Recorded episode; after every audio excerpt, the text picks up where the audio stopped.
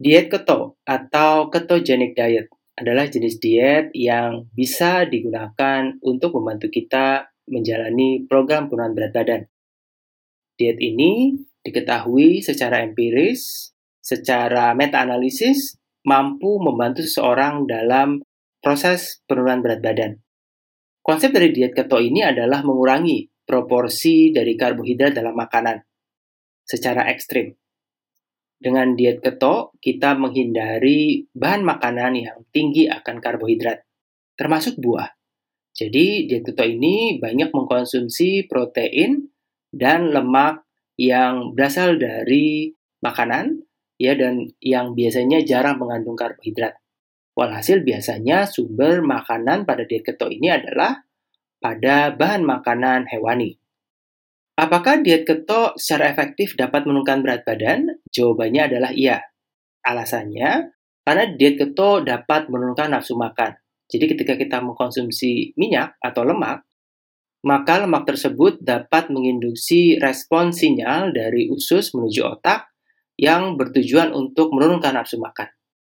Konsumsi lemak juga dapat meningkatkan proses oksidasi lemak itu sendiri. Beberapa studi menunjukkan bahwa mengkonsumsi jenis diet keto dapat membantu meningkatkan oksidasi lemak dan juga dapat menggunakan glikogen. Jadi proses penggunaan glikogen dalam tubuh kita meningkat. Nah, yang perlu diperhatikan adalah bahwa ketika glikogen banyak digunakan, maka berat badan biasanya ikut turun. Alasannya adalah karena glikogen juga ikut membawa air. Sehingga ketika glikogen bisa berkurang, maka berat badannya juga biasanya ikut turun. Tapi bukan karena lemak, karena air yang mulai berkurang di dalam tubuh kita. Nah, kebayang nggak sih apa yang bisa dimakan kalau ingin menjalani diet keto? Ini adalah beberapa contoh bahan makanan yang digunakan dalam anjuran untuk diet ketogenik atau diet Atkins. Biasanya diutamakan bahan makanan hewani dan bersumber lemak yang baik, seperti ikan, ya. Dan kalau nabati ini biasanya yang jenis lemaknya juga baik, misalnya pada kacang-kacangan atau biji-bijian, serta buah seperti alpukat. Daging ayam dan telur juga dianjurkan.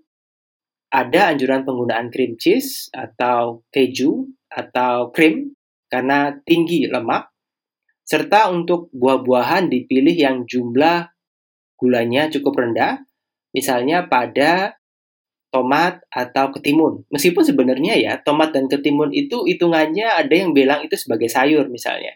Jadi uh, sayuran tetap dipertimbangkan, perlu dikonsumsi karena juga nilai karbohidratnya tidak terlalu banyak. Dan juga yang menarik juga adalah pada penggunaan selai kacang, terutama ketika kita mengkonsumsi makanan ya apalagi selingan ya yang perlu ada tambahan rasa daripada selai buah, disarankan penggunaan selai kacang karena secara proporsional memiliki karbohidrat yang lebih rendah. Nah, penting juga untuk disampaikan bahwa mengkonsumsi diet keto ini bukan justifikasi mengkonsumsi makanan yang tidak baik kualitasnya. Tidak baik kualitasnya itu seperti apa sih? Misalnya kita terlalu banyak makan makanan bersantan. Permasalahan dengan santan adalah santan ini mengandung lemak jenuh yang tinggi. Dan lemak jenuh diketahui dapat meningkatkan resiko penyakit tidak menular seperti penyakit jantung. Dan juga berusaha untuk menghindari daging merah atau daging yang terproses seperti sosis atau kornet karena hal ini punya dampak buruk terutama pada pengolahan dari daging ya yang bisa menginduksi kejadian penyakit. Jadi pastikan kalau ingin menjalani diet keto, pilih jenis lemak yang baik, pilih jenis minyak yang baik, pilih jenis sumber lauk atau produk hewani yang baik. Telur dianjurkan, ikan dianjurkan, apalagi ikan, karena mengandung lemak tidak jenuh atau PUFA yang tinggi, sehingga dapat membantu kualitas pembuluh darah dan metabolisme tubuh.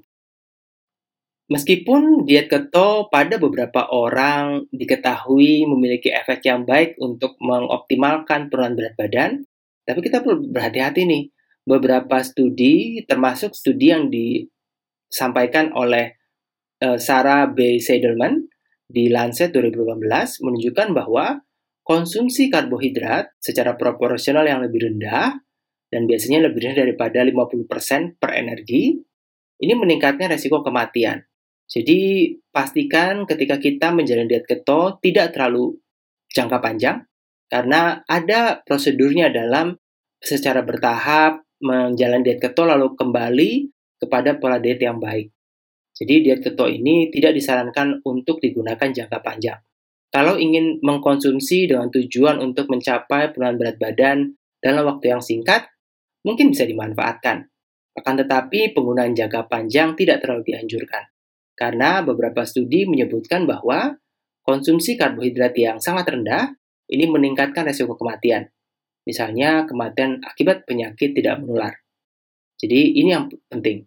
Ngapain punya tubuh bagus tapi kemudian jadi sakit-sakitan, ya kan?